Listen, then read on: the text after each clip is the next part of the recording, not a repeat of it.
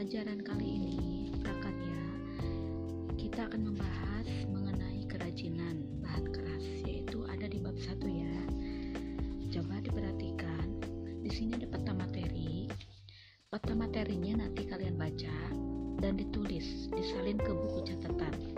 Nah, kenapa peta materi ini harus ditulis? Karena di sini akan menggambarkan secara garis besar materi-materi pokok apa saja yang akan kita pelajari di bab satu ini.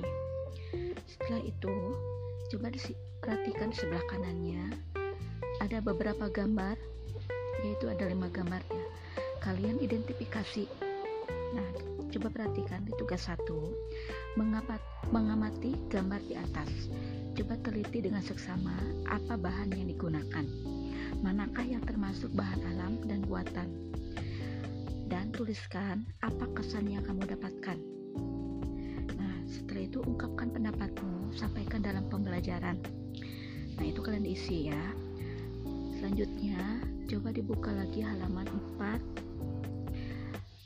sampai 6 nah di sini kalian coba perhatikan dibaca dulu setelah itu di halaman 6 ada tugas satu yaitu kerajinan bahan keras Nusantara. Nah, di sini kalian observasi mengamati jenis kerajinan bahan keras apa saja yang ada di beberapa wilayah Nusantara. Nah, contohnya ukiran kayu. Cari jenis kerajinan lainnya Nah, setelah itu amati hal apa yang membedakan dari masing-masing wilayah tersebut. Ungkapkan perasaanmu, bagaimana perasaan yang kalian yang kalian apa namanya terhadap kerajinan bahan keras ini. Nah, ungkapkan perasaanmu. Jadi masing-masing siswa pasti berbeda-beda ya bagaimana perasaan kalian terhadap ber berbagai macam produk kerajinan yang ada di Nusantara ini nah kalian isi lembar kerja LK1 nya nah kalian isi berupa tabel nah cari saja jenis kerajinannya. 5 jenis kerajinan.